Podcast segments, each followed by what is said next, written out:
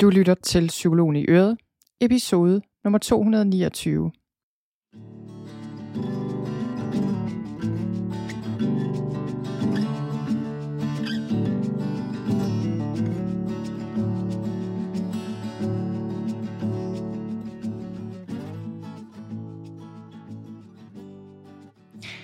Velkommen til denne podcast, som er til dig, der gerne vil have ro i krop og sind, og mere klarhed og mening og glæde ind i din hverdag.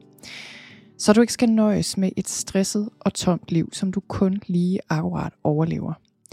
Vi er omgivet af et samfund, der på mange måder fremmer stress og dårlig trivsel, og som ikke hjælper os ret meget med at finde ud af, hvad der i virkeligheden er rigtigt og vigtigt for os, så vi kan få et godt liv et liv, vi lever, et liv, vi nyder.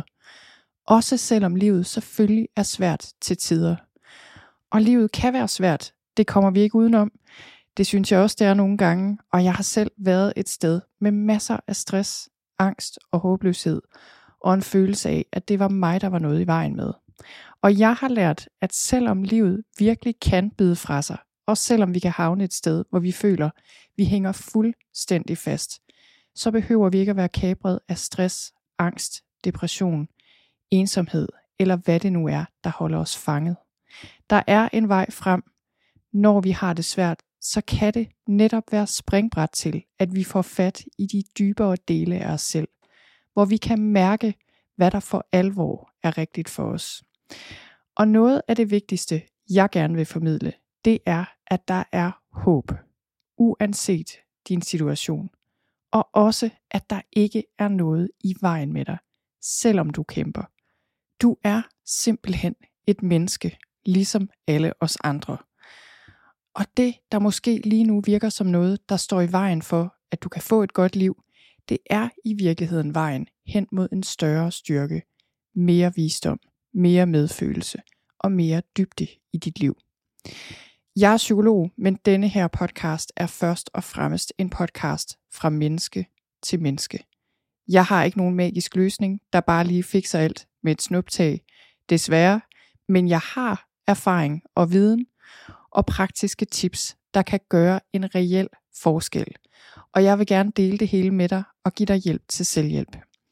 Med den her podcast og mit arbejde her i verden, som blandt andet indbefatter mine online kurser mod stress og angst og andre ting, som har hjulpet flere tusind danskere indtil videre, vil jeg gøre dit liv bedre ved at give dig viden og praktiske værktøjer til at få mere ro i krop og sind. Det handler først og fremmest om at vågne op her og nu. Så lyt med og lad dig inspirere. Igen, velkommen til Psykologen i Øret – jeg er psykologen Begitte Sølstein, og øret, det er dit. Whatever it might be Keep surprising me Whatever right or wrong Bring it on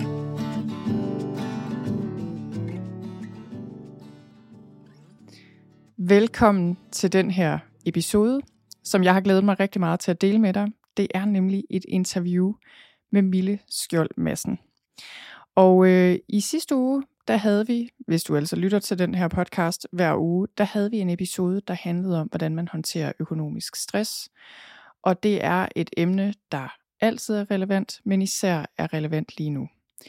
Og jeg tænkte, at øh, ud over at sige lidt om det her emne selv, så vil jeg også rigtig gerne have en i studiet, der virkelig ved noget om det her emne, og det gør Mille.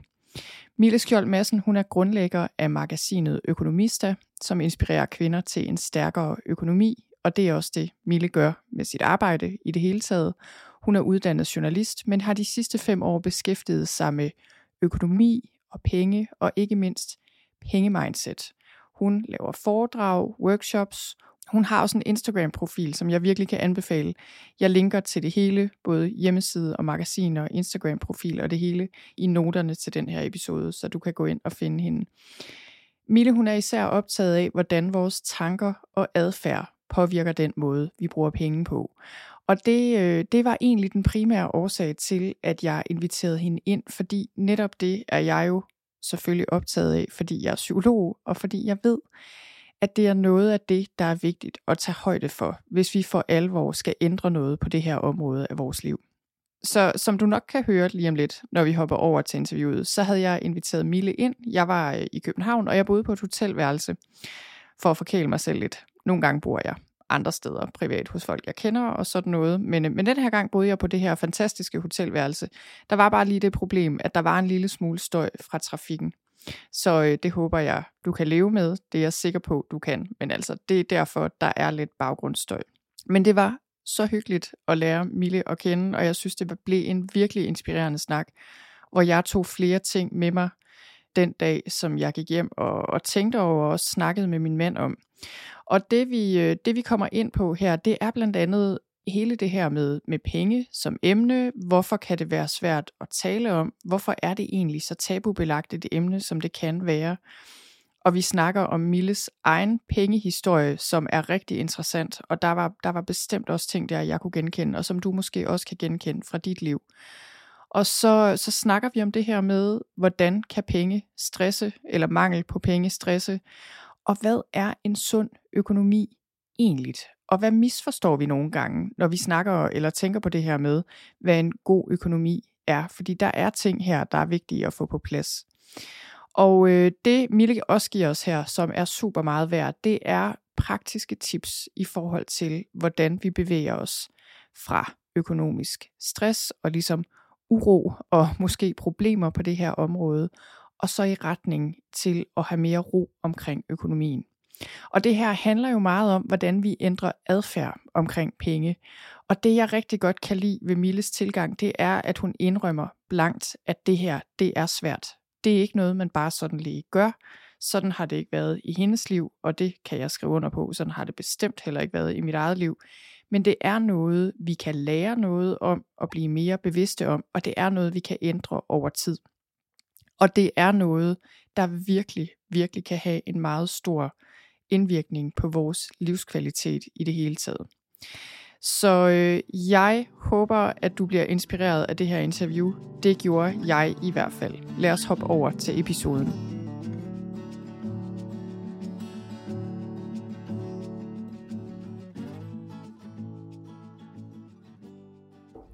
Velkommen til mit podcast, Mille. Tak fordi jeg måtte komme.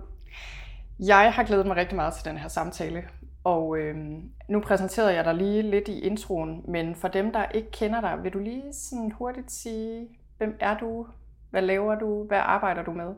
Ja, jeg hedder øh, Mille Skjold Madsen, og jeg er uddannet journalist, og så har jeg grundlagt mit eget øh, magasin, øh, Økonomister, som handler om øh, ja, alle aspekter af ens økonomiske liv.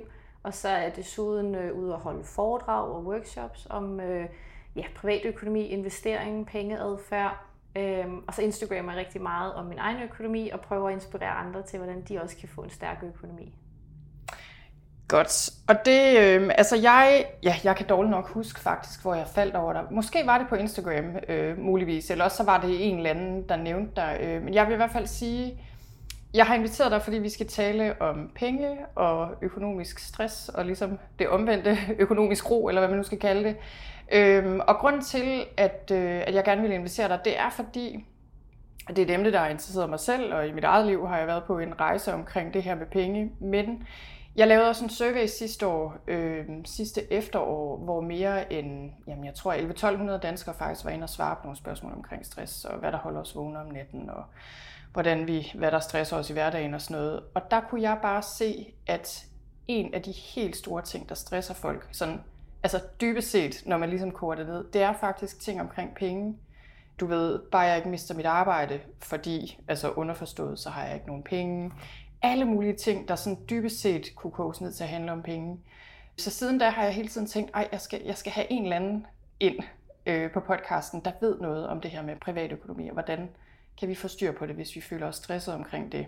Så, så jeg er rigtig glad for, at du havde lyst til at komme. Ja, jeg håber, jeg kan sige nogle ord om det. Det er jeg sikker op. Og jeg vil også lige sige, øh, jeg har læst øh, det seneste, tror jeg det er, det seneste nummer af dit magasin Økonomister, som var vildt spændende. Det kan jeg virkelig anbefale. Jeg er ellers sådan, det, det er sjældent, jeg finder et magasin, jeg synes er spændende af en eller anden årsag, når jeg står og kigger, du ved, der på hylden og tænker, nå, øh, men, men der var simpelthen så mange spændende artikler øh, ja, omkring ja, økonomi, men sådan på forskellige måder. Øh, det synes jeg virkelig var, øh, ja, det kan jeg bare anbefale. Ja, altså jeg vil også sige, at det har været et meget vigtigt fokus for mig med det magasin, at det netop ikke skulle være tørt og kedeligt, og det skulle være til at forstå, men at det også skulle vise forskellige økonomiske aspekter, sådan så der ikke er en hellig gral, men at der er en masse inspiration til, hvad man kan gøre med sine penge og sit liv. Ja, ja også fordi jeg synes, det, det magasin, det afspejler meget godt, altså ved jeg jo ikke, hvad folk tænker, når de hører ordet penge og økonomi, men folk tænker sikkert meget forskelligt, ikke? men jeg synes, øh, jeg kan huske i det nummer, jeg, jeg læste, der er der både noget om investeringer, hvordan man opbygger altså økonomisk frihed i et eller andet omfang sådan over tid, og der var også noget med den dagligdags økonomi, der var også noget med jamen, realkreditlån, altså der var sådan mm. mange forskellige ting, som jeg bare tænker er altså, mega relevante for os alle sammen nærmest, ikke? Så, så det kan jeg altså anbefale, at man går ind og kigger på. Og det samme med din Instagram, vil jeg sige. Den er altså sjov og god. Tak. Øh, og så den meget uhøjtidelig, og det synes jeg også er fedt. Så, jeg tænker, der hvor vi kunne starte, det var egentlig, altså måske lige at snakke om det her emne penge, fordi det, øh, jeg føler, det ikke er noget, vi snakker så meget om. Altså, øh, og jeg ved ikke, hvad din erfaring er. Altså, er det et tabubelagt emne, og hvorfor er det det? Altså, jeg plejer også at skelne mellem to ting, fordi vi kan godt lide at tale om, hvad vi bruger vores penge på, men vi kan ikke så godt lide at tale om pengene i sig selv. Øh, forstået på den måde, at man kan jo godt lægge et opslag op på Instagram, også selvom man ikke er kendt eller noget, og sige, øh, ej, vi har købt den her nye lækre bil, eller ej, vi skal på den her rejse. Øh, det har vi jo ikke noget imod at, at fortælle øh, omverdenen om, men vi kan jo ikke så godt lide at tale om penge, når det drejer sig om, hvad, hvad får vi i løn kroner øremæssigt, eller hvad står der på kontoen, eller øh, puha, øh, jeg har godt nok overtrækket den her måned, fordi ja. jeg har fået en ekstra regning. Så der er ligesom to veje i det her. Øh, og man kan godt lide at tale om at bruge pengene, men ikke øh, de faktuelle kroner og øre. Ja. ja. Ja, og jeg synes bare, altså det snakker vi også lige om lidt inden vi øh, tændte for mikrofonen, men det her emne med penge, altså det er jo ikke bare penge, vi sidder og snakker om. Der er, der er jo så meget psykologi i penge, og det er sådan, jeg føler i hvert fald for mit eget vedkommende, at det det er bare noget grundlæggende i mit liv, altså sådan et meget, meget vigtigt aspekt i mit liv, der betyder meget for jamen, mange andre områder i mit liv. Ikke? Min frihed og jamen, hvad jeg har råd til at bruge penge på, frem for altså, hvad jeg så måske ikke vælger at bruge penge på. Altså der er bare så meget i det her emne, du ved. Øh, og jeg ved ikke, om det også er det, eller hvad, der gør, at folk har svært ved at tale om det. Det der med, at det, det går ind og berører nogle egentlig måske sådan ret private ting. Det er jo helt, altså, helt essentielt. Penge er, er jo omdrejningspunkt for alt i vores liv, om vi vil det eller ej. Fordi rent overlevelsesmæssigt, så handler det jo om, jamen, har vi penge nok til at betale huslejen eller øh, købe mad? Det er jo helt nede på det her overlevelsessted øh, øh, i, i pyramiden. Og så hvis man går videre op, så kan man jo sige, så er der alt det her, jamen, hvad vil jeg gerne prioritere at bruge mine penge på? Mm. Og så skal man jo lige pludselig ind og kigge på sig selv og sige, hvem er jeg? Hvad har jeg egentlig lyst til at gøre med mit liv? Øhm, og det kan jo også for nogen være øh, svært og, øh, og måske at finde ud af, om jeg vil egentlig gerne nogle ting, men, men jeg tør måske ikke. Så hele det her med, fordi så vil jeg ikke tjene nogle penge på at blive selvstændig for eksempel. Ja. Det er jo sådan meget klassisk, jeg tør ikke gå selvstændig, for jeg ikke tjene nogle penge på det. Det er jo den der så barriere, man skaber for sig selv i forhold til penge. Øh, så bliver det lige pludselig omdrejningspunktet for ikke at udleve sin drøm. Så vi binder penge helt vildt meget op på mange ting i vores liv. Også hvad vi har med i bagage hjemmefra Øh, hvordan var vores forældre med penge? Øh, for eksempel havde man nogle sindssygt sparsomlige forældre, så kan det jo godt være, når man bliver voksen og tjener sin første løn, gå ud og bruge alle pengene, for du skal ja. fandme bare have. Ikke? Altså, øh, og det er jo noget, man har med hjemmefra, der, der trigger den adfærd for en. Så alt er jo bundet op på de her penge. Men det er jo ikke kun de her kroner og øre, hvad står der på konto, men også værdien af de her penge. Fordi 1000 kroner for et menneske vil betyde noget, og 1000 kroner for et andet menneske vil betyde noget. Og det er jo det er ikke nødvendigvis det samme. En vil synes, at det er en tur i byen, og en anden vil synes, at det er hele madbudgettet for en måned. Og ja. det er jo også derfor, det er så svært for os at tale om penge, fordi vi alle sammen har et forskelligt udgangspunkt, og vi har et forskelligt værdisæt. Og problemet er, når vi begynder at tale med hinanden om de her værdisæt, så sker der bare det, at vi også skal til at vurdere vores egne værdisæt. Så når mm. der kommer en og siger til, til, for eksempel, så kommer en og siger til mig, om jeg har købt et nyt spisebord, det kostede 10.000, så skal jeg lige pludselig vurdere med mig selv, vil jeg give 10.000 for et spisebord? Mm. Det kan godt være, at jeg ikke vil det, fordi jeg vil måske hellere ud at rejse for de her 10.000. Og det, der så sker, det er, at hvis vi ikke hviler nok i os selv og vores eget værdisæt, så kommer vi til at sige til den anden, det er fandme også mange penge at bruge på et spisebord. Det kunne jeg ja. fandme aldrig finde på at bruge på et spisebord. Fordi man har så, så utroligt stort behov for at fastslå sit værdisæt lige i den ja. situation. Øhm, og det er jo det, der gør, at mange ikke taler med hinanden om penge, fordi man er bange for den reaktion, der kan komme fra det andet menneske, man sidder og snakker med. Ja. Øhm, så derfor er, er vi ikke gode nok, synes jeg, til at snakke om penge. Det er jo ikke, fordi man behøver at stille sig op på en, på en mælkekasse nede i parken og råbe det ud, men bare i, i de her nære miljøer, altså familie, omgangskreds, venner, der kan man også have svært ved at snakke om det her, fordi man kan være bange for reaktioner. Vi skal være bedre til at være nysgerrige på hinanden, og, og, og kunne holde vores værdisæt på egen banehalvdel. Ja. Ja. Og det synes jeg faktisk giver rigtig god mening, det der du siger med, at det, det er ikke så meget mængden af penge, vi nødvendigvis har, der gør en forskel, men det er mere det der med vores værdisæt omkring penge, der kan gøre det svært at kommunikere. Fordi jeg har i hvert fald også oplevet, altså her de senere år, hvor jeg også er begyndt at interessere mig mere for det, og har læst bøger om det, eller altså hørt podcasts eller hvad, ikke? Og, og sådan noget som investering, så har jeg nogle gange, hvis jeg har... Altså for det første er det noget, jeg nok ikke snakker med så mange om egentlig, andre end min mand og sådan lige nogle enkelte. Men så tror jeg også, jeg er sådan lidt bange for, at folk så tror, at det er fordi, du ved, at vi har mange penge. Altså ligesom nok mine egne, altså i hvert fald tidligere fordomme, der kommer op, der handler om folk, der interesserer sig for penge. Det er folk, der enten kun tænker på penge, eller øh, som har mange penge og bekymrer sig om. Altså forstår du, hvad jeg mener? Der, der føler jeg i hvert fald også nogle gange, at det er et emne, som, øh, jamen der bare, det, det kan være svært altså at få en reel samtale om, så, så det er måske derfor, vi ender med ikke rigtig at snakke om det. Ja, og også fordi, at øh, altså det, det tror jeg også, du har ret i, at det, det kan også være de der følelser, man lægger i penge. Ikke? Og det er jo også det, der er så interessant, fordi egentlig er det jo bare nogle tal, der står på et bankkonto, eller man kan hæve og have i hånden. Men alle de følelser, der er bundet op på det, ikke? Hvad man tænker om folk, der har mange penge for eksempel, øh, og, og alt det her, øh, man kan sige, jeg plejer at kalde det den bagage, man har med sig. Det kan ja. jo både være fra ens forældre, men det kan jo også være fra en omgangskreds, man har været i, eller et eller andet sted, hvor man har adopteret et værdisæt hen ad vejen, som er udslagsgivende for, hvordan man reagerer i nogle situationer.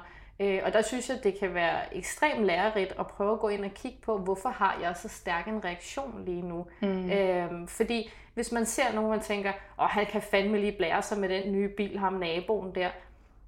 Ja, men, men han går kører jo ikke mindre rundt i den bil af, at man sidder og tænker sådan. Nej. Det er jo ikke, fordi han stopper op og tænker, ved du hvad, min nabo ser sgu sådan lidt småsur ud over, at jeg har fået en ny dyr bil. Det må sgu nok hellere Jeg må hellere lige holde lidt lav profil. Præcis. Det, verden ændrer sig jo ikke, fordi vi brokker os. Det er jo ikke sådan, at verden, altså himlen åbner sig og siger, ved ja. du hvad, du sidder sgu og brokker dig lidt rigeligt lige nu, lad mig lige fikse det for dig. Ja. Det er der jo ikke nogen, der gør. Øhm, så det jeg selv øh, øver mig rigtig meget på, det er det her med, hver eneste gang jeg oplever noget, hvor det trigger en eller anden følelse inde i mig, så stopper jeg op og kigger på og tænker, hvorfor har jeg så svært ved, at det menneske derovre har købt et eller andet?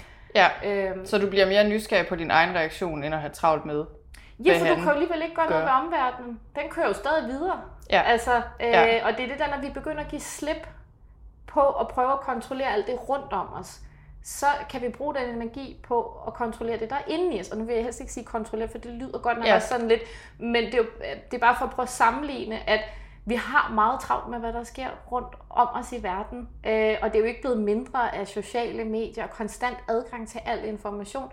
Øh, og selv det her med, så kan du unfollow alle mulige, du følger på Instagram med kendte mennesker, så bliver du ikke påvirket af det. Jo jo, men ens omgangskreds er jo også ofte, ja. i hvert fald i min alder, på sociale medier.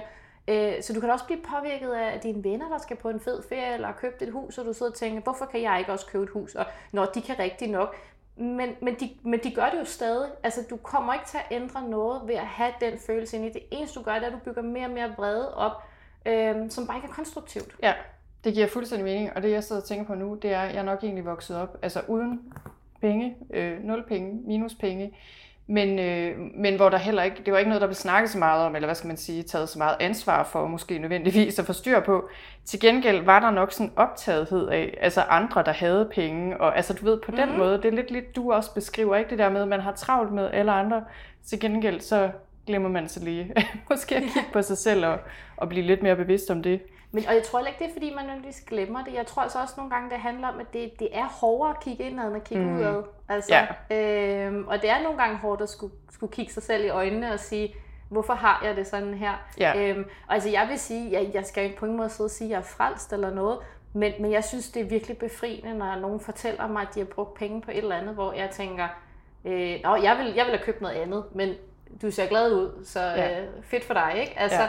Øh, og når der er nogen, nu kan man sige, jeg er iværksætter, så jeg bliver meget påvirket af andre iværksætterhistorier. Folk, der har succes, og jeg har solgt min virksomhed for de her millioner. Jeg kan da godt sidde og tænke, åh, det gad jeg godt, ikke? Altså, mm. øh, men så prøver jeg at kigge indad og sige, jamen hvorfor bliver du irriteret? Hvorfor bliver du jaloux derovre? Ikke? Altså, men det er fordi, du gerne vil have det samme. Ja. Okay, men så må du gå efter det. Altså, ja. Eller også må du stoppe med at sidde og være jaloux. Ja. Øh, det er de valgmuligheder, der er. Og jeg tænkte, altså det her kunne være et meget godt tidspunkt lige at altså faktisk springe tilbage lidt, fordi jeg har, øh, jeg har forberedt mig lidt og læst lidt om dig og hørt et andet interview om dig og sådan noget, og jeg, jeg har hørt noget af din historie, som jeg synes er meget spændende, og det er jo altid interessant at høre, du ved, hvordan kan det være, at folk er kommet dertil, hvor de er i dag, og hvordan kan det være, at du arbejder med penge eller med økonomi? I dag. Så vi, har du lyst til at fortælle lidt om din historie, skråstreg, pengehistorie? Jeg ved ikke, hvad du selv kalder den. Jo, jeg kalder det faktisk min, øh, min pengehistorie, og opfordrer også andre til at prøve ligesom at, at mappe deres egen pengehistorie, øh, for at se, hvor er det i mit liv, jeg har haft nogle nedslag, der har defineret måden, jeg tænker omkring økonomi. Mm Øh, og man kan sige, at jeg er ikke vokset op i, øh, i rigdom eller muligheder på, øh, på nogen måde. Jeg er vokset op i et almindeligt boligkvarter med, med to forældre og en øh, lillebror, som var meget syg og handicappet, og det er han øh, for så vidt stadig i dag, nu er han så bare voksen. Men det betød, at vi boede øh, størstedelen af min barndom på Rigshospitalet. Øh, faktisk i en grad, hvor at jeg sendte postkort til klassen, når der havde været sommerferie. Så kunne man købe postkort og ride inden på ride. Jeg synes, det var i dag synes jeg, det er meget tragikomisk. Ja. Men så sendte jeg det og markerede et kryds på den etage, vi var øh, installeret på. Og så sagde jeg, at det var min sommerferie. Øh, så så det, var, det var meget mit liv i min barndom. Mm. At gå i mm. skole, tage på ride, øh, tage hjem, og så kørte øh, mit liv meget på den her måde. Øh, og vi havde konstant det her tema som med død hængende over hovedet, fordi vi vidste aldrig, at jo nu, så var der gode perioder, så var der dårlige perioder. Øh, og det gjorde, at jeg levede, et, altså mine forældre prøvede at skabe nogle stabile rammer i et meget ustabilt miljø, mm. kan man jo sige. Øh, men det gjorde jo, at ting kunne være meget kaotiske, og som barn kunne mine forældre jo godt finde på lige pludselig en weekend, så tog vi bare til LaLandia en hel weekend. Mm. Så hentede de mig fra skole. Dengang tænkte jeg jo ikke videre over det, men i dag ved jeg jo godt, at det var fordi min lillebror var meget syg, og læreren ligesom havde sagt, det kan godt være det nu, vi mm. ved det ikke helt. Øh, og så tog vi jo bare afsted og brugte de penge. Så jeg voksede jo op med den her, når ting er rigtig svære, så, så må man godt bruge sine penge. Ja. Øh, og, og det synes jeg i dag heller ikke, der var noget i vejen for, at mine forældre gjorde. Jeg, jeg havde gjort præcis det samme. Problemet for mig var, da jeg blev teenager og flyttede hjemmefra øh, som 18-årig, at jeg fik den ligesom taget med den adfærd at hver gang ting gik skævt for mig, så gik jeg ud og brugte penge. Ja. Og der var død jo ikke et tema, der hang over hovedet. Det kunne jo være noget, hvor jeg synes, noget havde gået mig imod. Men ja. det var jo ikke sådan et, et liv og død spørgsmål. Men jeg havde samme adfærd, for den havde jeg jo taget med mig hele mit liv. Øhm, og så dør min far pludselig af hjertestop, da jeg er 20. Og det øh, gør jo så også, at jeg har et par år der, hvor jeg ligesom bare er meget sur på verden, og, mm. og det hele kan rende mig. Altså, jeg, jeg brugte alle mine penge, fordi hvad, hvad skulle jeg gemme dem for? Ja. Fordi folk omkring var døde, og, og det hele kunne bare være lige meget. Og så, øh, så sker der så det, at jeg på et eller andet tidspunkt beslutter mig for, at, at jeg må gøre noget ved, ved den her indstilling, fordi ellers så vil jeg jo, altså, så vil jeg have det sådan her resten af livet, ja. og det havde jeg ikke lyst til. Var du godt, må jeg spørge, var du godt bevidst om det her? Altså på det tidspunkt kunne du godt se, okay, jeg har gang i den her adfærd, jeg bruger alle mine penge. Nej, overhovedet ikke. Overhovedet Nej. ikke. Okay. Jeg var bare sur på ja. verden, og sur på livet, og sur på uretfærdigheden. Mm. Øh, altså jeg sad og brokkede mig derhjemme. Det gjorde jeg, for jeg synes, jeg synes fandme ikke, det var nogle fede kort, jeg havde på hånden. Og så øh, tager jeg så et forbrugslån og går til en psykolog, fordi jeg kunne ikke, øh, det var, jeg kunne ikke få hjælp af det offentlige, mm. øh, fordi jeg var voksen, og øh, der var flere års ventetid, og, og det, det havde jeg simpelthen ikke tid til at vente på. Så, øh, så jeg tænkte, at hvis jeg ville have den uddannelse, jeg ville, så var jeg nødt til og, og aktivt gøre et eller andet for at få det psykisk bedre. Øh, og i dag synes jeg jo, jeg tror gennem hele mine 20'er, fra jeg er 20 til 30, og jeg er 32 i dag, så tror jeg måske, jeg har brugt 50-100.000 på psykolog mm. gennem årene, sådan on and off. Øh, og jeg fortryder det ikke det mindste. Og jeg har også betalt et forbrugslån ud for længe siden. Men det var jeg simpelthen nødt til der, for mm. at få det akut bedre. Og, og selv der var jeg faktisk slet ikke klar over, at jeg havde den her købeadfærd. Men jeg fik det så psykisk bedre, begyndte at tage en uddannelse, og havde momentvis succes med mine penge, og synes egentlig, at jeg godt kunne spare op.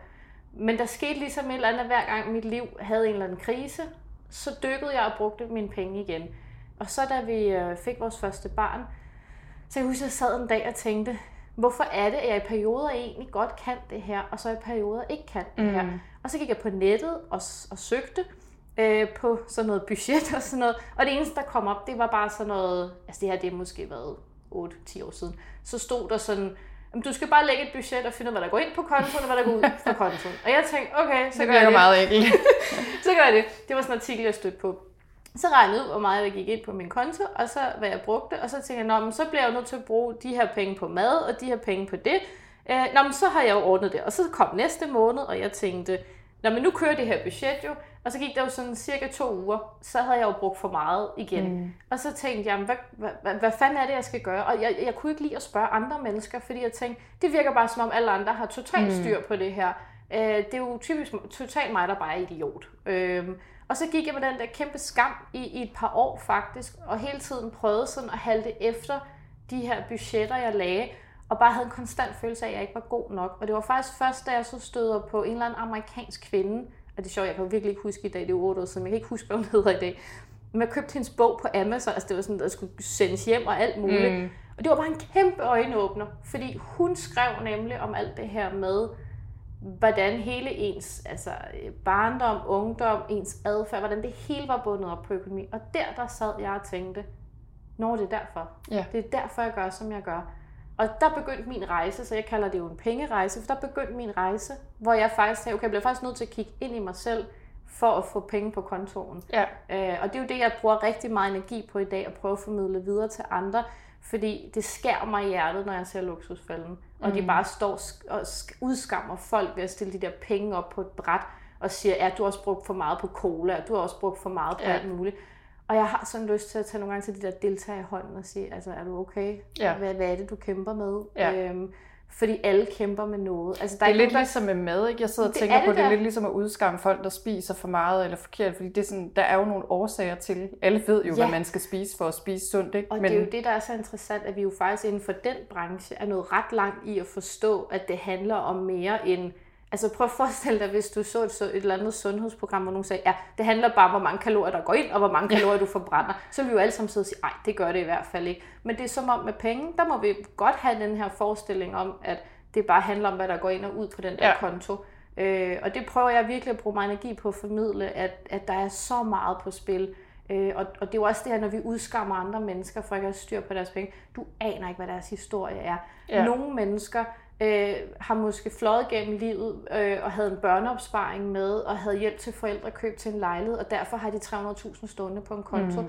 Andre har måske kæmpet sig igennem, har haft en tandlægeregning på 50.000, eller ligesom mig psykologhjælp for 50-100.000 gennem de sidste 10 år. Altså hvis jeg havde investeret de penge, så havde, og jeg kunne regne afkast ud, så ved jeg da godt, hvor mange penge, der havde ja. stået på den konto, men det havde så nok ikke lige gjort mig lykkelig. Øh, så, så det er også det her, jeg synes, vi skal blive bedre til at, at anerkende, at der er mere på spil end bare kroner og øre. Ja.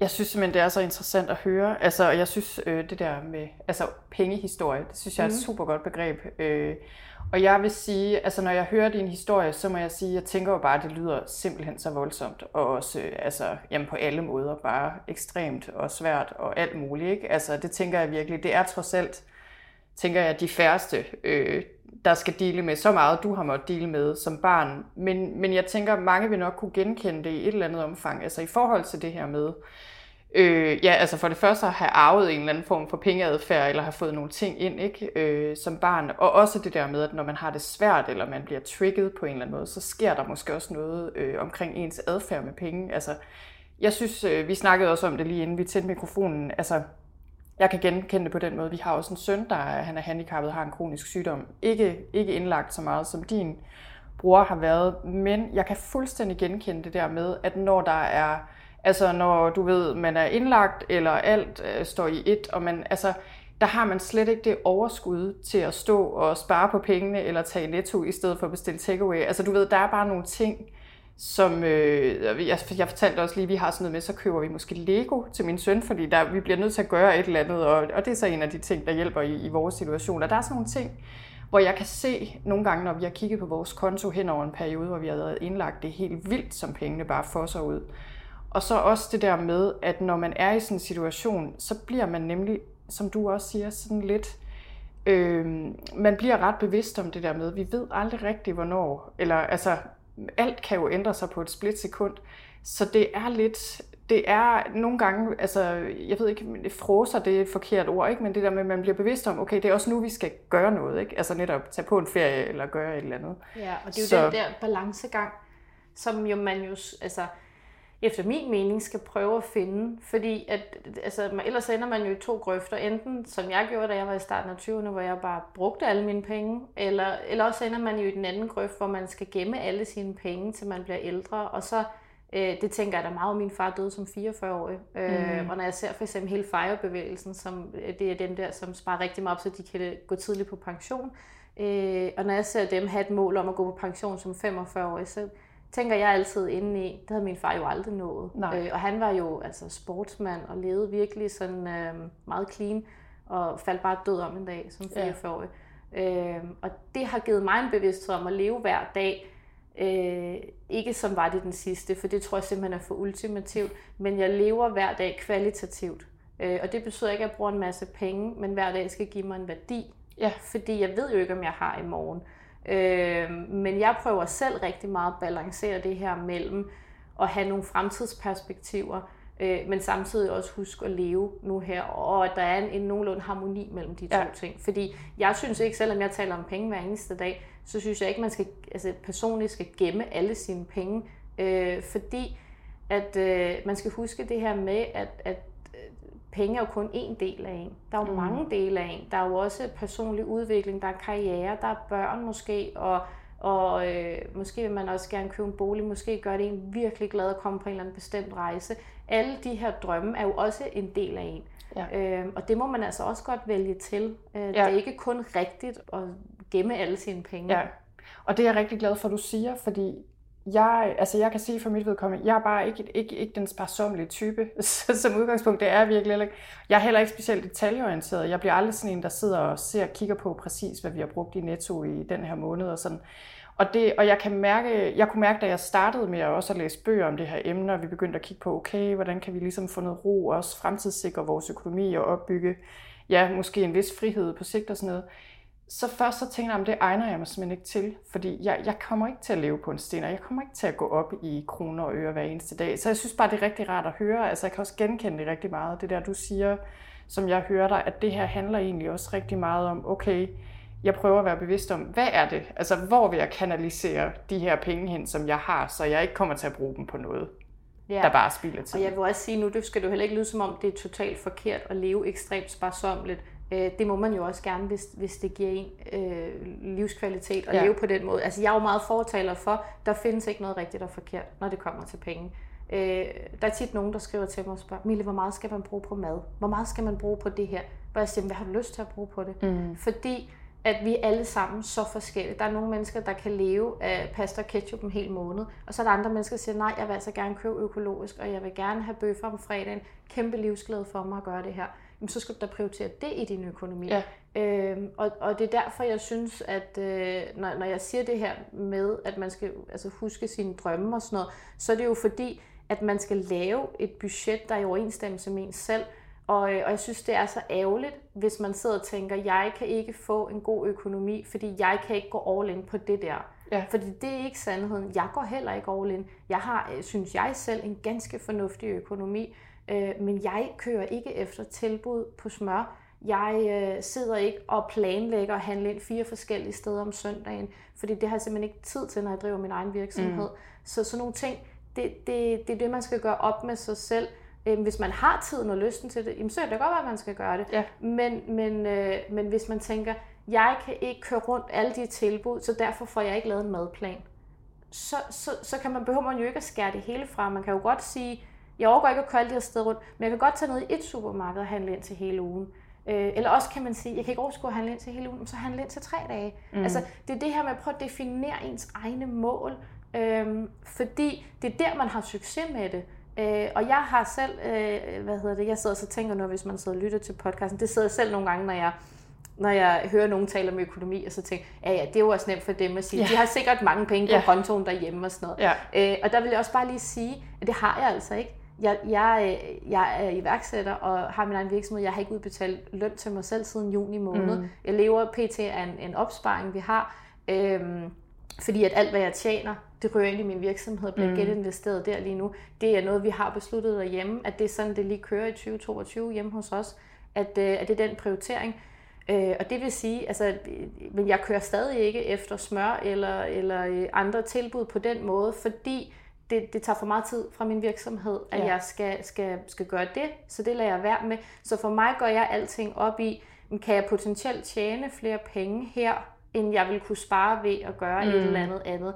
Og så, så, øh, så vælger jeg altid den, hvor jeg kan tjene flere penge, end, end jeg kan spare ved at øh, gøre et eller andet selv. Ja. Øhm, fordi det giver mest mening for mig. Så vil jeg også igen det her med, det er jo en værdi for mig, fordi jeg er i gang med at bygge en virksomhed. Jeg, jeg arbejder mere end, end 37 timer om ugen. Så derfor er jeg nødt til at have de her prioriteringer. Og, øh, og det er det, jeg synes, der er så vigtigt, at man får, øh, at man får tænkt over. Og, og, altså, jeg bruger penge på mad og benzin.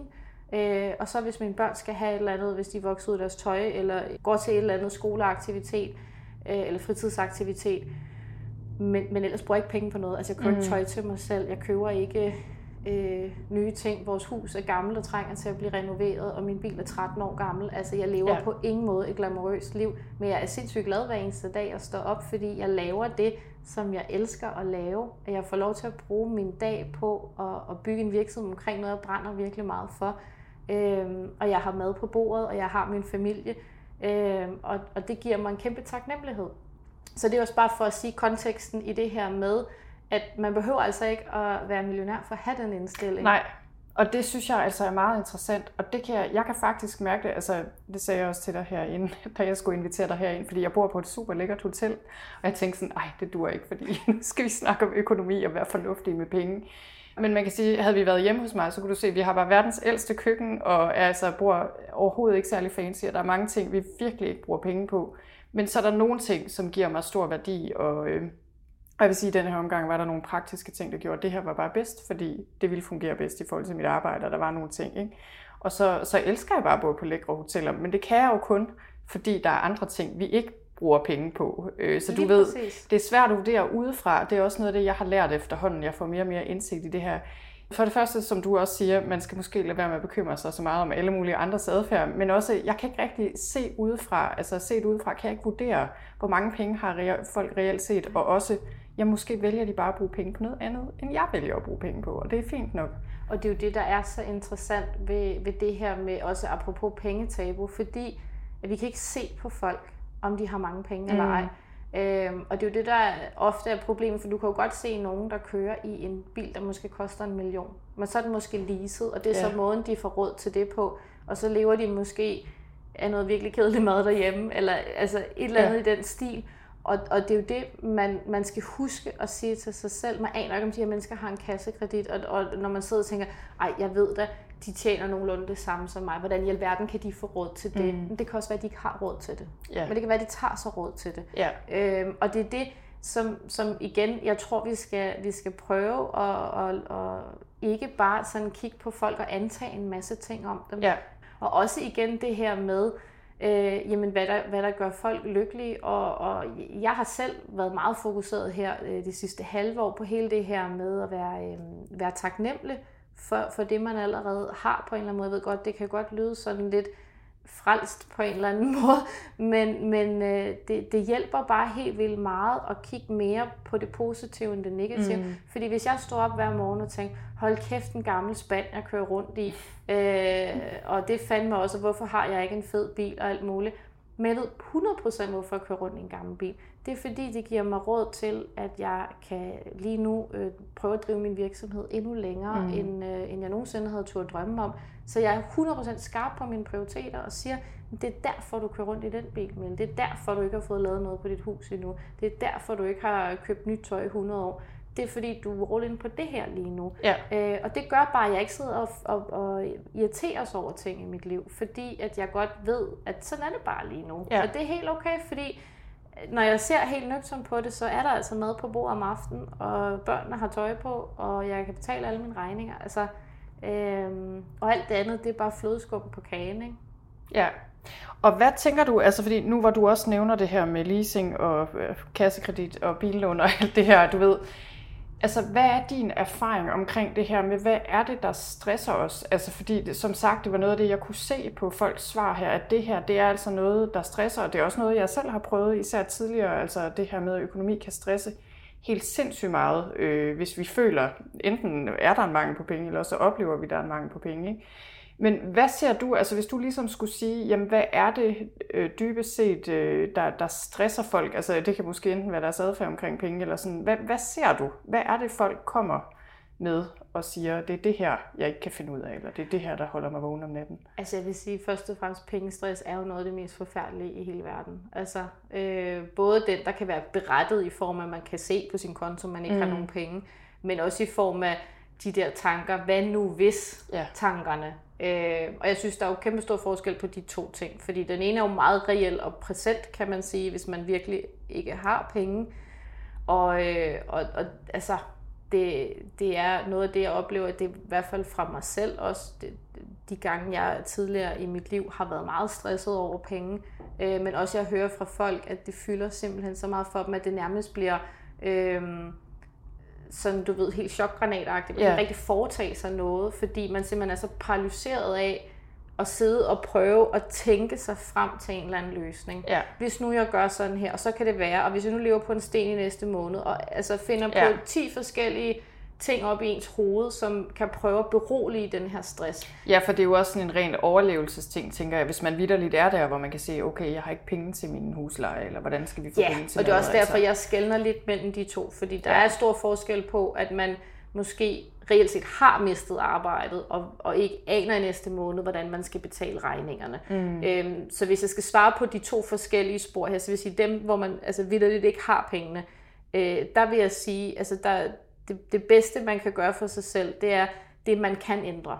Ja. Altså at gøre det. Og sige, kan jeg ringe til banken og snakke om en midlertidig kassekredit, hvis det er det, der er uh, issue. For det er jo i hvert fald bedre, end at gå ud og låne et eller andet uh, lån til en eller anden kæmpe høj mm. rente. Uh, og det er ikke en forlidt erklæring. Altså, uh, alle mennesker kan komme til at stå i den situation, mm. hvor man mangler penge. Uh, og det bedste, man kan gøre for sig selv, det er at sige, okay, hvordan kan jeg bedst muligt komme ud af den her situation igen? Øh, for hvis man lukker øjnene, så bliver det værre, og hvis man ikke tør at, at, at gøre altså et eller andet aktivt, så er det, man jo nogle gange ender i de der meget uhensigtsmæssige valg. Ja. Øhm, og, og jeg vil sige, jeg har også stået der, da jeg var i 20'erne, og, og ikke anede, hvad jeg skulle gøre, hvor jeg ringede til banken, og de hjalp mig, og det var da 10 gange bedre, end jeg havde fået et eller andet sindssygt dyrt kviklån. Ja. Øhm, så det vil jeg sige, det er jo, det er jo løsningen til dem. Altså det vil sige, dem, hvor, hvor man har pengestress, og altså, men ikke reelt set har altså, pengemangel. Ja. Øhm, der vil jeg sige, det kan jo for eksempel være sådan noget, jeg hører folk, de bekymrer sig rigtig meget om, åh oh, nej, hvad kommer der til at ske nu her? Fordi der er øh, krigen i Ukraine, og mm. stigende energipriser, stigende fødevarepriser, og åh oh, nej, og åh oh, nej. Øhm, og jeg vil sige, øhm, vi kan jo ikke gøre noget ved det.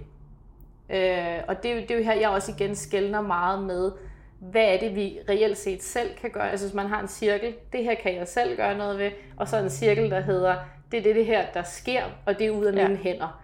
Øh, og så skal man prøve at finde ud af, hvad er rent faktisk noget, jeg kan gøre noget ved i den her situation. Fordi vi kan ikke styre, altså os egenhændigt individer kan ikke styre fødevarepriserne, øh, eller krigen i Ukraine, eller, øh, eller... eller, eller forhøjet renter på bolig. Altså det, det kan vi ikke gøre noget ved. Øh, men det vi kan gøre noget ved, det er, hvordan vi forholder os til det.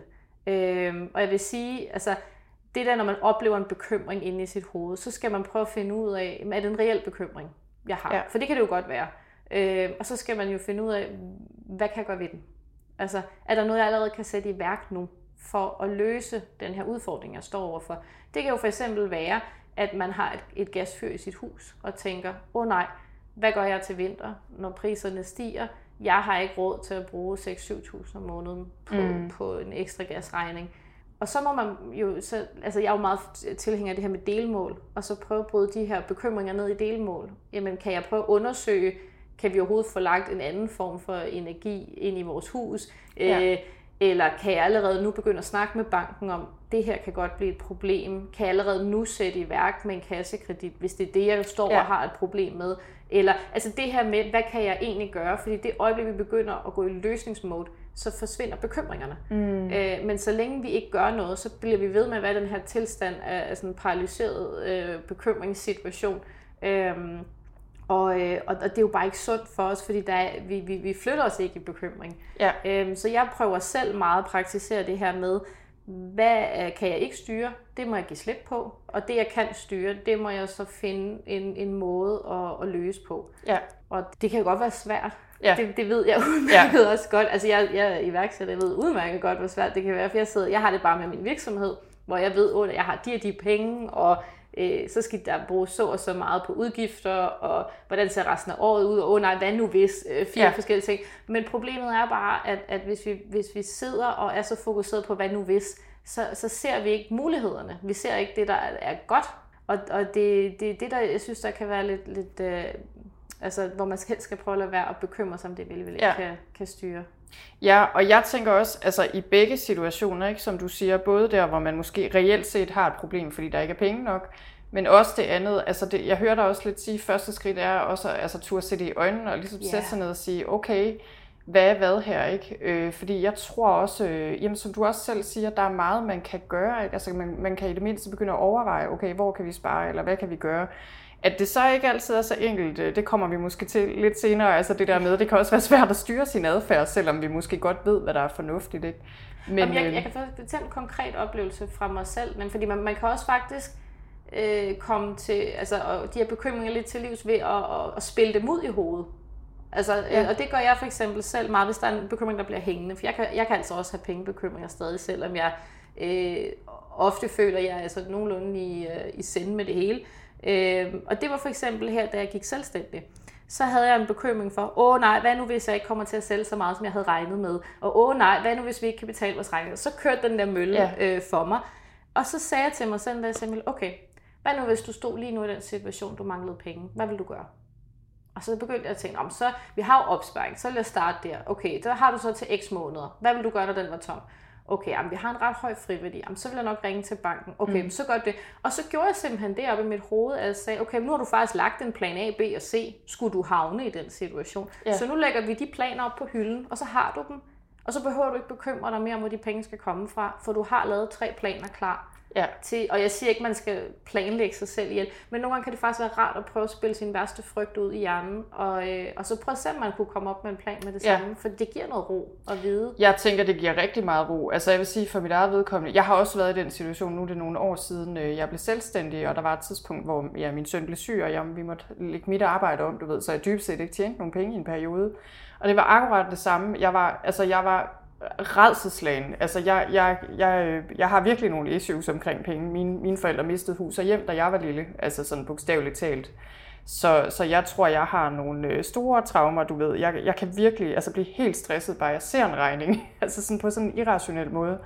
Men det, der, det vi også gjorde på det tidspunkt, det var også det der med at sætte, sætte os ned, og så, og så kiggede vi simpelthen på vores økonomi og tog højde for, hvis nu jeg ikke tjener penge i et eller to år, hvad gør vi så? Og lige præcis som du også siger, jamen vi har nogle penge, vi egentlig skulle have brugt på en trappe i vores gamle hus. Vi lader bare være med at få trappen ind til videre og se, om vi får brug for de penge. Ikke? Hvad så hvis? Altså, og det gav bare simpelthen sådan en ro. Øh, og jeg vil sige, i dag, fordi vi også er i den situation, vi er i med min søn, der har vi en økonomi, der tager højde for, at vi kan komme i en situation, hvor en af os måske ikke kan arbejde så meget i en periode.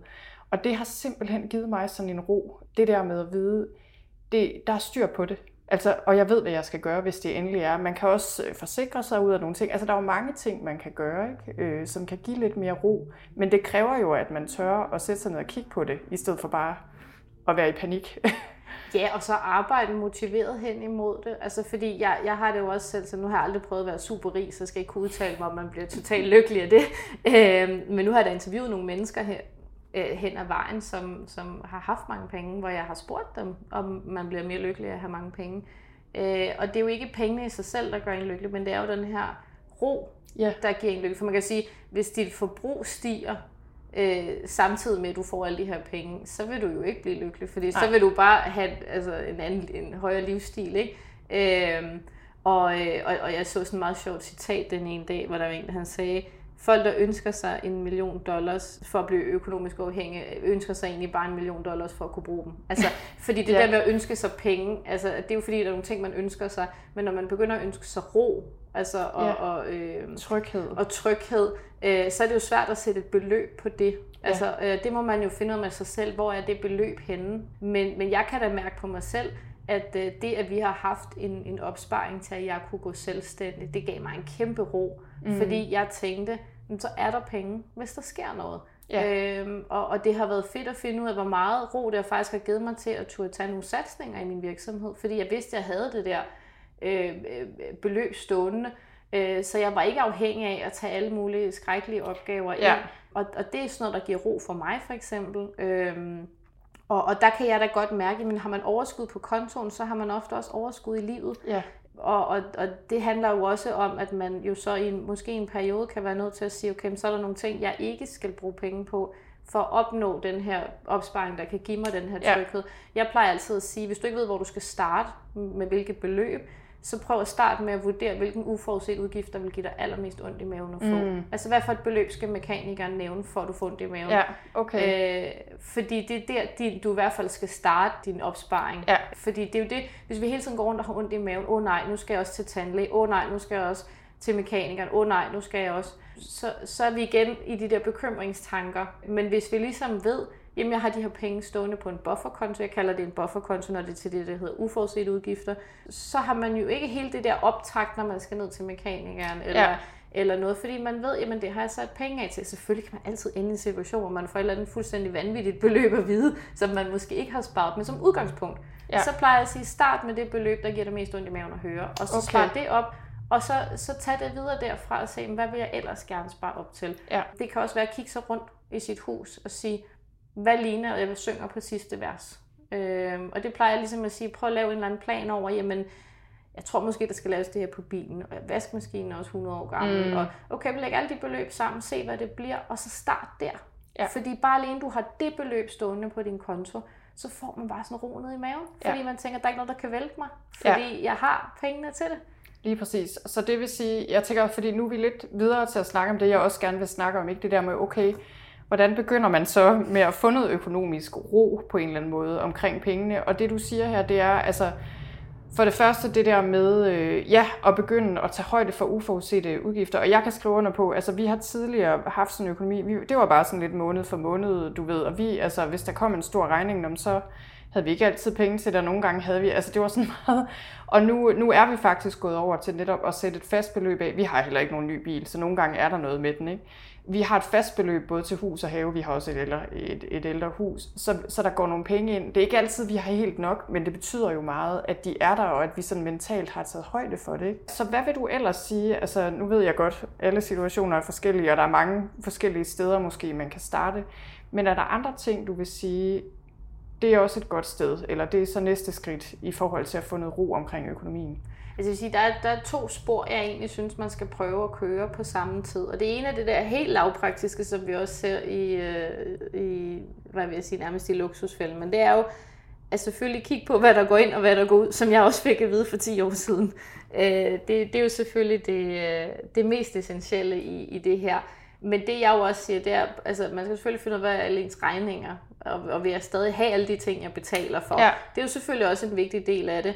Øh, hvad hedder det, under corona, der var vi rigtig udfordret på vores økonomi, så det første vi gjorde, det var at skære tv-pakke, skære alting fra. Mm. Og så levede vi simpelthen så spartansk i de måneder der, for det var vi nødt til.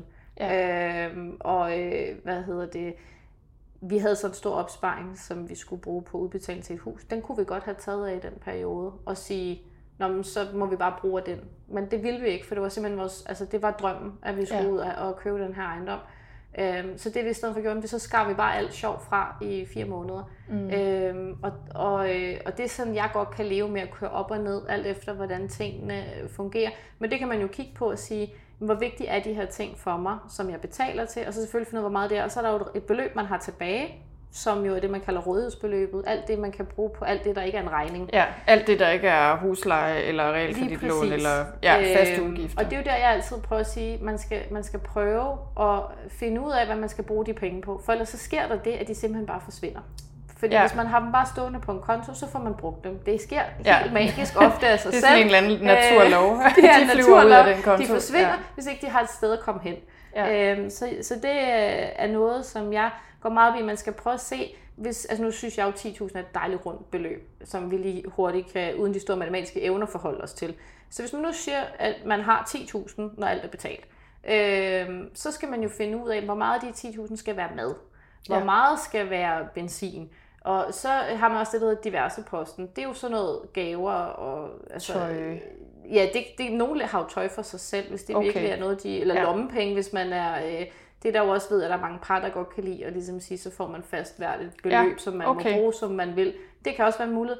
Men så kan det være, at man gerne vil være på ferie en gang om året. Så skal man jo regne ud, hvad koster den ferie. Og så skal jeg måske lægge et beløb til side hver måned til den ferie. Mm. Så kommer der det der uforudsete udgifter. Hvor mange penge om måneden skal jeg lægge til sådan en konto? Og, og du kan jo godt høre lige pludselig, Ja. så, så, altså, så Hvis der er gæld, man gerne vil betale. Ja, det går vel Ja, ind over, jamen, under fast udgifter Ja, det vil nok måske. under fast ja. ja. Men hvis man nu gerne vil betale mere af på gæld, Ja. jamen så kan det da være, at det også skal være en del af, af ens rådighedsbeløb. Eller man vil gerne øh, spare op til, til at købe fast ejendom. Eller, altså, Ja. Alle, eller man kan og investere for eksempel. Men alle de her ting skal man jo på en eller anden måde finde ud af, hvor stor en del af mine penge skal så være del. Og det er jo det, jeg tit får et spørgsmål. Hvor meget skal jeg bruge på mad, Mille? Det er jo det største spørgsmål, folk stiller. Men mm. det aner jeg simpelthen ikke. Altså, øh, fordi nogle mennesker kan leve for virkelig, virkelig lidt, og nogle vil gerne leve for mere. Altså, at have mere hverdagshygge, og så undvære en ferie. Men det er jo det, Ja. man hele tiden skal gøre op med sig selv. Hvad er min største drømme? Og det er jo der, hvor jeg siger, der er to spor. Er det her helt praktisk, hvor man kigger på kroner, men så er der også det psykiske aspekt i det, hvor man ligesom skal sige, hvad skal der til, for at jeg bliver glad? Vil jeg gerne gå ned i tid på arbejdet? Jamen, så skal Ja. jeg måske skære nogle af de her ting fra. Eller vil jeg gerne på ferie en gang om året? Okay, men så skal jeg måske sætte 2.000 til side hver måned. Jamen, hvad, hvad skal de komme fra? Ja. Så kan jeg måske se, hvis man så går tilbage i sit budget, og jeg bruger faktisk 2.000 om måneden på at gå ud og spise, Mm. så kan det være, at du skal stoppe med at gå ud og spise. Altså det, at man hele tiden begynder at tage nogle aktive valg ud fra det, der egentlig gør en allermest lykkelig. Og det, der er hele nøglen til det, det er, at når vi begynder at være mere sådan aktive omkring vores valg, så bliver det også lidt nemmere i hverdagen at sige nej til de her ting. Ja, Fordi man er bevidst om, hvad pengene så ellers går Ja, til. For fordi eksempel, vi ved, hvad, altså, det er ikke så meget, nej, jeg må ikke købe den pizza til aftensmad, det er mere, jeg er Ja, i gang med at lige præcis, for til. hvis vi hele tiden går og siger nej, nej, nej til os selv, Ja, så bliver vi altså også bare nogle lidt triste mennesker. Fordi så, og så til sidst, så bliver man så trodsig over for Ja. sig selv. Når man har hørt på sig selv sige nej 10 gange på en dag, så, kan det også bare være lige meget. Og Ja. så gør man det alligevel. Ja. Fordi at det er det der sådan, øh, jeg ved, jeg ved ikke, om man kan kalde det et indre barn, men der er sådan et eller andet inde i en selv, som ligesom står der og stamper og siger, "Jamen, jeg vil gerne have øh, glæde lige nu ja, den her impulsive lykkefølelse med det samme, som det kan være for nogen at købe tøj, eller det kan være at, at spise noget lækker mad, eller altså alle Ja. de her sådan lidt lystbetonede impulsting, som vi kan virkelig blive fodret i ansigtet med hver dag, ja. vi kan bruge penge på. Øh, det, er jo, det er jo at give sig selv en lykkefølelse lige nu og her, men det er jo der, vi hele tiden skal så huske, jo jo, men den drøm, jeg har, den er herude, mm. og det er den, jeg hver dag prioriterer til. Så jeg siger faktisk ikke nej til mig selv, jeg siger bare ja til noget andet. ja, Øh, og jeg synes, det, det virker i hvert fald for mig, fordi jeg jo godt ved, jeg kan ikke gå på shoppingtur, eller jeg kan ikke øh, køre de store armbevægelser, fordi at jeg har prioriteret at starte en virksomhed. Øh, og, og det gør mig skarp på, jamen så, så er det slet ikke en mulighed for mig at gå ind i et storcenter og kigge på noget, fordi det er ikke der, jeg er i, i Ja. mit liv lige nu. Og, øh, og det er så det, jeg siger med det andet spor, at man skal jo så til at blive bevidst om, hvad er egentlig min drøm? Hvad er det, jeg gerne vil prioritere i min økonomi? ja, Øh, og så kan man så sige, Nå, hvad hvis jeg er i den økonomiske situation, at jeg ikke kan tillade mig at prioritere noget, fordi jeg har ikke nogen penge lige nu, og det hele er super stramt, jamen så kan det jo også være en prioritering, at man prøver at holde det budget, man så lægger, øh, for at undgå en gæld i fremtiden. Ja. Det er jo også en positiv ja. vinkel på det. og ikke at bruge mere, end man har. Ja, måske. lige præcis. Ja. At sige, ja, det er hårdt lige nu, men nøjere bliver jeg glad om to år, for at jeg ikke gik ud og lånte pengene til at leve for lige Ja. nu. Øh, og det kan også være en motiverende faktor. Ja, ja.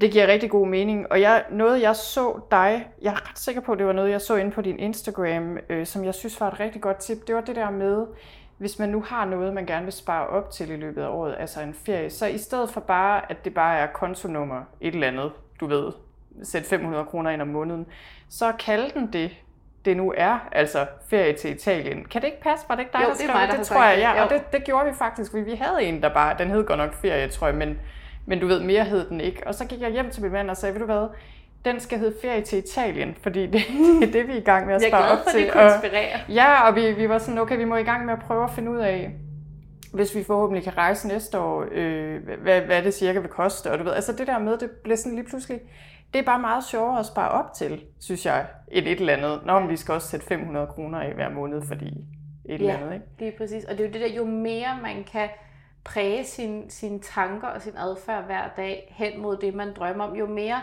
bliver man også i det mindset. Øhm, fordi hvis vi ikke minder os selv om, hvad vores drømme er hele tiden, så har hjernen jo en tendens til at vandre lidt nogle gange og sige, hey, der sker også noget spændende her, vi kan bruge penge Ja. på.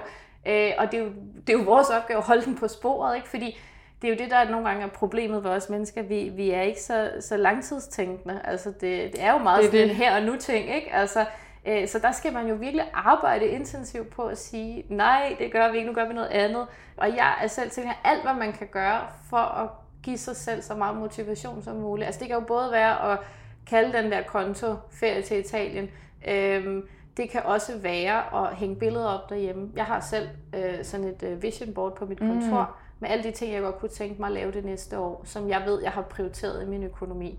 Øh, det har jeg simpelthen hængt op og sagt, at det her jeg skal det næste år. Så Ja. det betyder, at hver gang jeg går ind på mit kontor, nu behøver alle ikke lige at smække sådan 80 gange 80 cm op på hjemmekontoret eller på kontoret på arbejde. Man kan også gøre det, men man kan også sætte en screen, altså ændre skærmen på sin telefon til det, man går og Ja. drømmer om, eller hvad det nu kan være. Men det, at jeg hver eneste dag lige kigger på de her ting og siger, når er det det? Det er Ja. det, jeg går og vælger til hver dag. Ja. Det gør også bare, når jeg ser et eller andet tilbud på en eller anden pæn kjole, hvor jeg tænker, "Ah, det kunne da være en pæn kjole. Øh, Så, tænker, jeg- så kigger jeg jo op på det der og siger, nej, for jeg vil hellere det der. Ja. Jeg vil hellere øh, den virksomhed, jeg vil hellere på den ferie.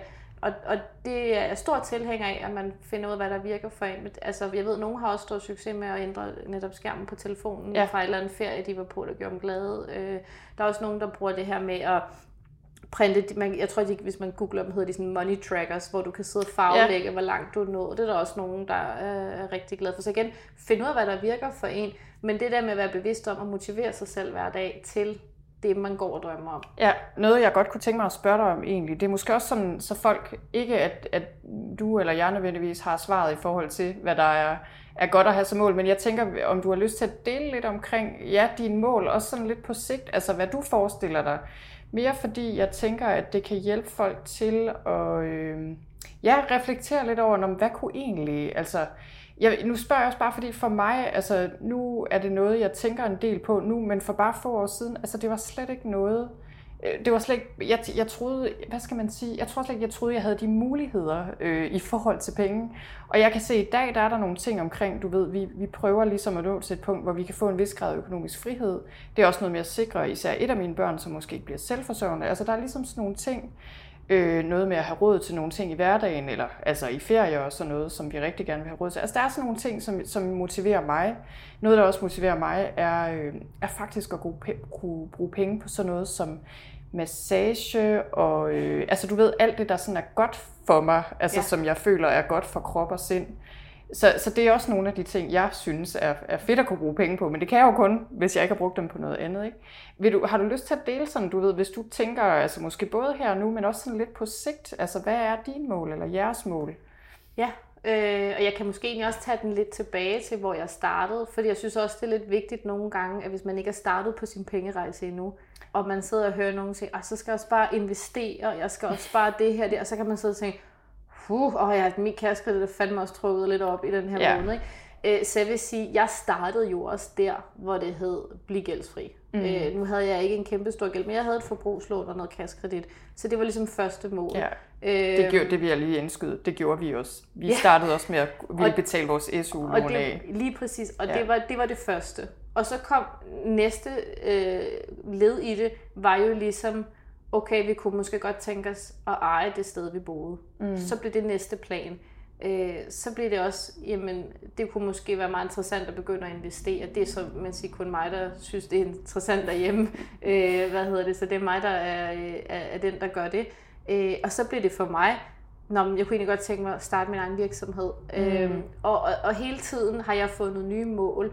Men selvfølgelig er jeg startet der, hvor at, at jeg kunne se, at jeg skal først have økonomisk ro, ja. og så bygger jeg på. Ikke? Øh, og nu kan jeg da godt mærke, at jeg tillader mig selv at drømme mere, fordi jeg nåede det længere i min pengerejse. Og jeg vil jo også sige, altså hvis du havde, øh, altså hvis fremtids- eller nutidsmille besøgte 20-årige Mille og fortalt hende, at hun ville eje sin egen virksomhed, og at, øh, hvad hedder det, der er en, der er i gang med at altså, få en investor ombord i virksomheden, mm. så den kan blive endnu større, og måske også ende med at blive mange millioner værd. Mm. Og at jeg samtidig nu her, øh, efter vi har øh, snakket, er nødt til at tjekke aktiemarkedet, fordi jeg har nogle aktier, jeg skal holde lidt øje med, fordi jeg kan lave noget afkast på dem og ejet sin egen bolig. Mm. det er den første, mine forældre ejede aldrig deres egen bolig. Mm. Kæmpe stort for mig at ja. eje min egen bolig, fordi det er ikke noget, jeg voksede op med, man bare gjorde.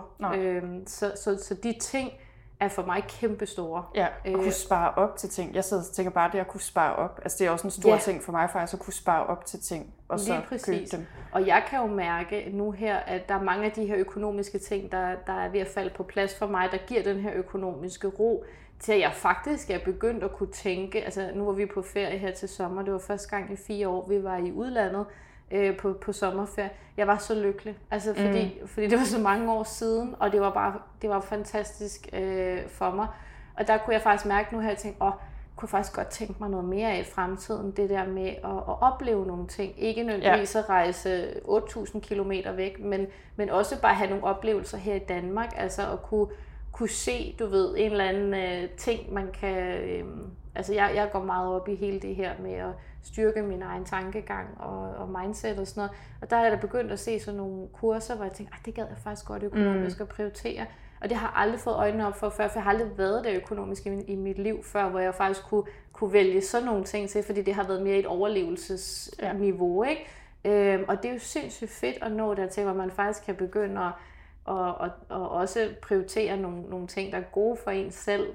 Altså jeg har det jo selv sådan, hvis jeg kan komme så langt, uden at have haft nogle forudsætninger for det, så kan andre jo også komme langt. Altså, ja. Ja. Fordi jeg er ikke født til, til at, at investere i aktier, eller starte virksomhed, eller købe min egen, øh, mit eget hus.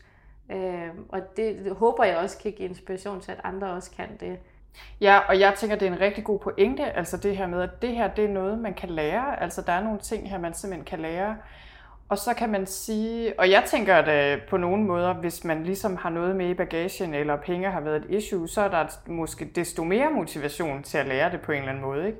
Men øh, det, jeg egentlig godt kunne tænke mig at, at slutte lidt af med at snakke om, det er det her med, som på så mange andre områder i livet, du ved, et er, hvad vi ved i forhold til os, hvad vi gerne vil, og hvad der er vigtigt for os, og noget andet er så, hvad vi gør nogle gange. Og det, det kan, altså, kan jeg kun tale for mig selv, det kan jeg observere igen og igen, både i forhold til penge, men også i forhold til jamen, mad og altså, mine børn, som jeg egentlig ikke vil skille ud, men så kommer jeg til det alligevel. Altså du ved, alle de her ting.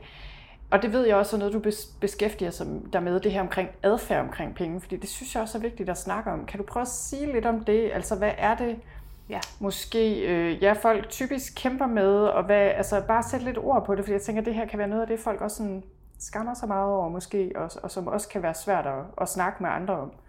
Altså adfærden er jo virkelig vigtig, fordi adfærden er jo det, vi gør, ud fra det, vi ofte også har med eller hjemmefra. Altså den der bagage, jeg snakkede om tidligere, den munder jo ud i, at vi gør et eller andet, som ikke altid er hensigtsmæssigt for os. Og du vil jo også sige med det samme, jeg er ikke perfekt på nogen måde. Og jeg sidder ikke bare og kører snorlige, øh, og, og øh, hvad hedder det, jeg kan også for eksempel i foråret, der havde jeg meget, meget travlt i min virksomhed.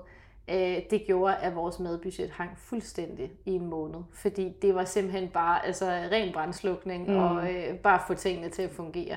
Øh, til gengæld fakturerede jeg også som sindssygt den måned, så, så for mig var det okay, og så havde jeg det sådan næste måned, så skal vi lige tilbage på sporet. Mm. Det er ikke en måned, der vælter læsset. Det er jo over tid, man skal vurdere den indsats, man gør. Ja. Øh, og bare man er bevidst om det. Jeg er fuldt bevidst om, hvorfor jeg gjorde, som jeg gjorde i den situation. Øh, og derfor kunne jeg godt komme tilbage på sporet igen. Men det er bare lige for at sige, behøver altså ikke at være perfekt til det her Nej. på nogen måde. Men, øh, men det, man skal være opmærksom på, synes jeg, det er, hvor er man mest tilbøjelig til at falde i i det, som man har det svært ved. For vi har alle sammen ja. svært ved forskellige ting. For eksempel for mig er det, er det at holde strikst madbudget. Og nu siger jeg strikst, det er, også, det er et lidt negativt ord, men, men det der med at holde det der med at handle en gang om ugen og madplan og sådan, mm. det, har jeg, det har jeg svært ved, men jeg vil gerne gøre det, fordi jeg kan se, hvor mange penge jeg sparer, som jeg kan bruge på nogle andre ting.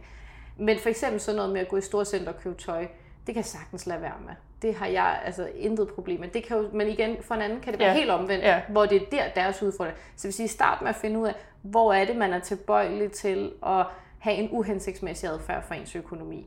Øh, og så skal man jo, når man har fundet det, så skal man prøve at gøre det lidt nemmere for sig selv, fordi i stedet for at sige, nu falder jeg ikke i en måned, så må man prøve at erkende, jeg har nogle udfordringer, og jeg kommer ikke til at løse dem den første dag. Altså det mm. tager tid at ændre adfærd, det tager tid at ændre mindset, og så må man prøve at sætte et eller andet system op for sig selv. Øh, for eksempel så ved jeg, nogle gange kan, kan tingene kokse lidt, dem jeg har små børn, og hverdagen den kan jo godt være lidt kaotisk. Og så sker der det, at man ikke lige får lavet den der mad, som tager 45 minutter at stå og koge i en gryde. Øh, og så er det mest nærliggende lige at ringe til en eller anden pizzeria, og så koster det bare 200-300 kroner. Så der har jeg ligesom to ting, som jeg ved, jeg gør, fordi jeg ender ofte i den situation. Statistisk set vil jeg på en måned ende i den situation, ja. i hvert fald et par gange. Så det jeg gør, det er enten at have nogle frysepizzaer i ovnen, eller i fryseren, eller også har jeg øh, lavet mad en eller anden dag, hvor jeg var overskudsagtig, så har jeg lavet mad til tre dage, og så frosset ja. to portioner ned, fordi jeg ved, den dag kommer, hvor jeg ikke overgår noget. Ja. Og så kan jeg gå i fryseren og hente et eller andet op og lave det, og så har jeg ikke brugt 200-300 kroner på et eller andet, og fået den der demotiverende følelse, for den er næsten værre, end at have brugt penge. Den ja. der, så kan det også bare være lige meget, fordi jeg kan sgu heller ikke holde øh, ja. en madplan. Og så vender man ryggen til Dankort lige eller til kontoen. Og så, ja. øh, men det der med at prøve at sætte nogle systemer op for sig selv, så man, man gør det lidt nemmere for sig selv at være i den her adfærd, man er i gang med at ændre. Ja. Øh, og det kan jo også være, hvis man nu er sådan en, der falder over tilbud med tøj. Altså man ser noget på Instagram, nogen reklamerer for, eller man får en eller anden mail fra en webshop i sin e-mail. Men så kan det være, at man i en periode skal unfollow de mennesker, der inspirerer en lidt for meget, eller man skal afmelde sig en masse nyhedsbreve, ja. eller, om, eller når en veninde foreslår, skal vi ikke, øh, skal vi ikke mødes over i Storcentret, at man måske siger, ved du hvad, kan vi ikke mødes på en, en café i stedet for at drikke ja. en kop kaffe? Altså det her med at prøve at blive bevidst om, jeg har nogle steder, jeg synes, det er svært, så jeg prøver at sætte nogle systemer op, som, som kan gøre det lidt nemmere for mig at navigere ja. i det. Ja, og alene det er måske bare at sige til sig selv, okay, jamen der er nogle punkter her, hvor jeg har en irrationel adfærd, hvor det er svært at styre, i stedet for at prøve at benægte, at det er tilfældet, ikke? Fordi jeg tænker bare, altså for mit vedkommende, jeg er psykolog, ikke? Jeg har diverse efteruddannelser, jeg har læst 10 bøger om penge, jeg ved ikke, altså jeg gør stadig ting, der er så irrationelle, som jeg, jeg vil ønske, at jeg gør. Jeg gør det igen og igen, ikke? Altså sådan er det jo bare med os mennesker, og det må vi jo bare Altså jeg synes, det hjælper at erkende det, og ligesom sige, jamen det er sådan, det er. Og, og jeg synes, det er en kæmpe hjælp, det der, du siger med at prøve at kigge på, okay, hvor er det især? Altså jeg får sådan helt lyst til at gå hjem og kigge på vores konto og sige, okay, hvor er det, jeg kommer til at bruge nogle penge, jeg ville ønske, jeg havde brugt, altså ikke havde brugt på det, ikke? Og så prøve at se, okay, altså noget af det, jeg øver mig på nogle gange, det er, jeg har sådan noget med, Altså det der med at købe ting hurtigt, altså hvis jeg får øje på det, og så køber jeg det, måske til min datter eller et eller andet, ikke? Og så prøver jeg, jeg er blevet bedre til at, at lige vente en dag, eller lige snakke med min mand om det. Eller altså bare det der med lige at indsætte et mellemrum i forhold til, hvornår jeg ser noget, og hvornår jeg køber noget. Og det, det synes jeg hjælper idé. meget, ikke? Ja. Fordi jeg kan have den der følelse af, om det, det er bare vildt nødvendigt at købe det lige nu, ikke? Altså nu ved jeg ikke, hvad du, hvad du ser, men det der med, der er som regel også nogle grunde til, at vi tyr til de dyre løsninger. Altså ligesom du også siger, ikke, hvis du bliver stresset eller er presset. Sådan kan jeg for eksempel have det med ting, hvor jeg kan blive sådan, om jeg er for stresset, eller jeg, er for, jeg har ikke tid til at gå og købe noget i genbrug og gå i 10 butikker. Altså jeg køber bare den her, fordi nu er den lige her, ikke? Altså sådan på den måde vil der være nogle ting, hvor man kan kigge på det og sige... Men det er jo mm. også klart, at når det, når det roder op i vores hoveder, altså så er det da klart, at det også er udslagsgivende, det vi foretager os. Ja. Og det kan jeg da også se på mig selv, når det roder for meget i mit hoved, fordi jeg har for mange deadlines eller for meget arbejde, jamen så begynder jeg også at slække. Øh, og for mig kan man sige, der er det jo så sådan noget som for eksempel madposten, fordi det er vidt lidt det eneste, vi bruger penge på PT derhjemme, så der er, der er jo ikke rigtig så meget andet, jeg kan, jeg kan, kan gøre. Men det, det kan jeg da også godt mærke, hvis jeg har haft en hård uge, jeg ved 100% at fredag, det er det der, jeg skal lige være opmærksom, fordi jeg godt kan få sådan om fredagen, ah, det skulle også været en hård uge, ikke? Den der belønningsadfærd, Ja. som, Så som skal jo vi er en trigger, ikke? Altså, ah, Ja. det er også, det, det, jeg fortjener også indsat selv et eller andet, der er dyrt at købe, som jeg ikke selv skal lave ude i køkkenet, ikke? Øhm, og det er jeg meget opmærksom på, og, og prøver at ligesom sige til mig selv, så må du finde noget andet, du kan belønne dig selv mm. med. Øhm, og det, det har jeg prøvet at være meget optaget af her på det sidste. Hvad, hvad kan jeg belønne mig selv med, der Ja. ikke koster penge? Fordi nogle gange, så handler det jo mere om følelsen af at belønne os selv, end det egentlig er det, vi gør, som ja. er belønning. Men fordi det er blevet en vane, at det er sådan, vi belønner os selv, så, så tyr man jo bare til det. Ja. Så nu er jeg, nu er jeg begyndt øhm, at sige til mig selv, om er der en eller anden film, du godt kunne tænke dig at se, eller er der en eller anden bog, du altid har drømt om at læse? Altså, Mm. prøver at indsætte noget andet, i stedet for, øh, åh, vi skal også købe en sushi udefra, eller et eller andet Ja. den stil. Øh, og det tager noget tid lige at komme ind i en ny vane. Det kan jeg da også mærke på mig selv, at jeg lige skal sidde et par fredage og sige, nå hov, ja, okay, så øh, ikke lige i dag, vi får sådan noget øh, lækker mad udefra. Øh, men jeg glæd, så må jeg prøve at glæde mig til noget andet, og der skal Mm. man lige ind i det. Øh, men det er jo det her med, som jeg siger, der er jo nogle trigger, som, vi, som mange af os har, som jo enten kan være, at jeg køber noget, når jeg er ked af det, jeg køber noget, når jeg vil belønne mig selv. Altså, og ofte kan vi alle sammen markere dem alle sammen på forskellige Mm. tidspunkter i vores liv, ikke? Men, øh, men, men i hvert fald det at prøve at blive opmærksom, og når man, det, jeg vil helst ikke sige falder i, fordi jeg synes, det lyder så negativt, men det her med, når vi har sat os for at gøre noget før, og vi så ikke gør det. Altså Ja. det sker jo, at man så lige pludselig en dag øh, lader være med at gøre det, man havde lovet sig selv. Så skal man jo ikke dunke sig selv i hovedet og sige, nu kan det også bare være lige meget, du kan heller ikke finde ud af noget. Så skal man jo stoppe op og sige, wow, nu gjorde jeg faktisk det, jeg havde aftalt med mig selv, jeg ikke ville gøre. Hvorfor gjorde jeg det? Hvad var Mm. på spil her? Hvad var det, der var særligt ved den her situation, der gjorde, at jeg ikke længere var motiveret for at følge mine mål? Øh, fordi det er der, når vi tillader os selv at blive nysgerrige på os selv, og ikke dømmer os selv, så, så har man også meget mere lyst til at fortsætte med Ja. det. Øhm, og det prøver jeg da selv, hvis jeg kan se, når der er fire gange på en måned, jeg, øh, jeg købte mad udefra eller et eller andet, var det den samme dag på ugen, Mm. mm. eller havde jeg den samme følelse de fire dage, eller hvad var det, der var på spil, der gjorde, at det var den dag, jeg trykkede på knappen. Ja. Fordi vi kan ikke ændre noget, hvis ikke vi er nysgerrige på det. Øhm, så det, det, jeg kan godt lide at sige det der med, at man skal prøve at gå på opdagelse i sig selv, snarere end at dunke sig selv i hovedet. For det er sjovere at gå på opdagelse i sig selv og blive klogere, end, øh, end det er at udskamme sig selv Ja. for ikke at være perfekt hele tiden. Og så vil jeg bare sige, der er ikke nogen mennesker, der er perfekte. Nej. Altså, heller, heller ikke mig. Og ved du hvad, jeg synes, det er nogle rigtig gode ord at slutte af med. Altså det der med, vær nysgerrig, lad være med at dunke sig selv oven i hovedet, men kig på det.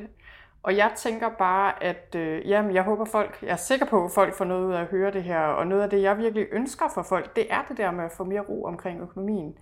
Fordi det, det betyder bare så meget hele vejen rundt. Så jeg vil bare sige tusind tak, fordi du gad at komme i dag. Det var en fornøjelse.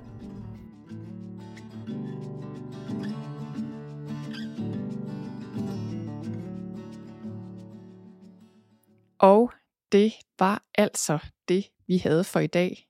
Jeg håber, du øh, hørte noget her, du kan bruge til noget. Og jeg vil lige sige, at hvis du vil finde Mille de forskellige steder, så kan du abonnere ind på hendes hjemmeside økonomista.dk, det er med OE i stedet for Ø. Eller du kan finde hende på Instagram, hvor hun altså også har en virkelig inspirerende profil. Som sagt, så følger jeg den selv.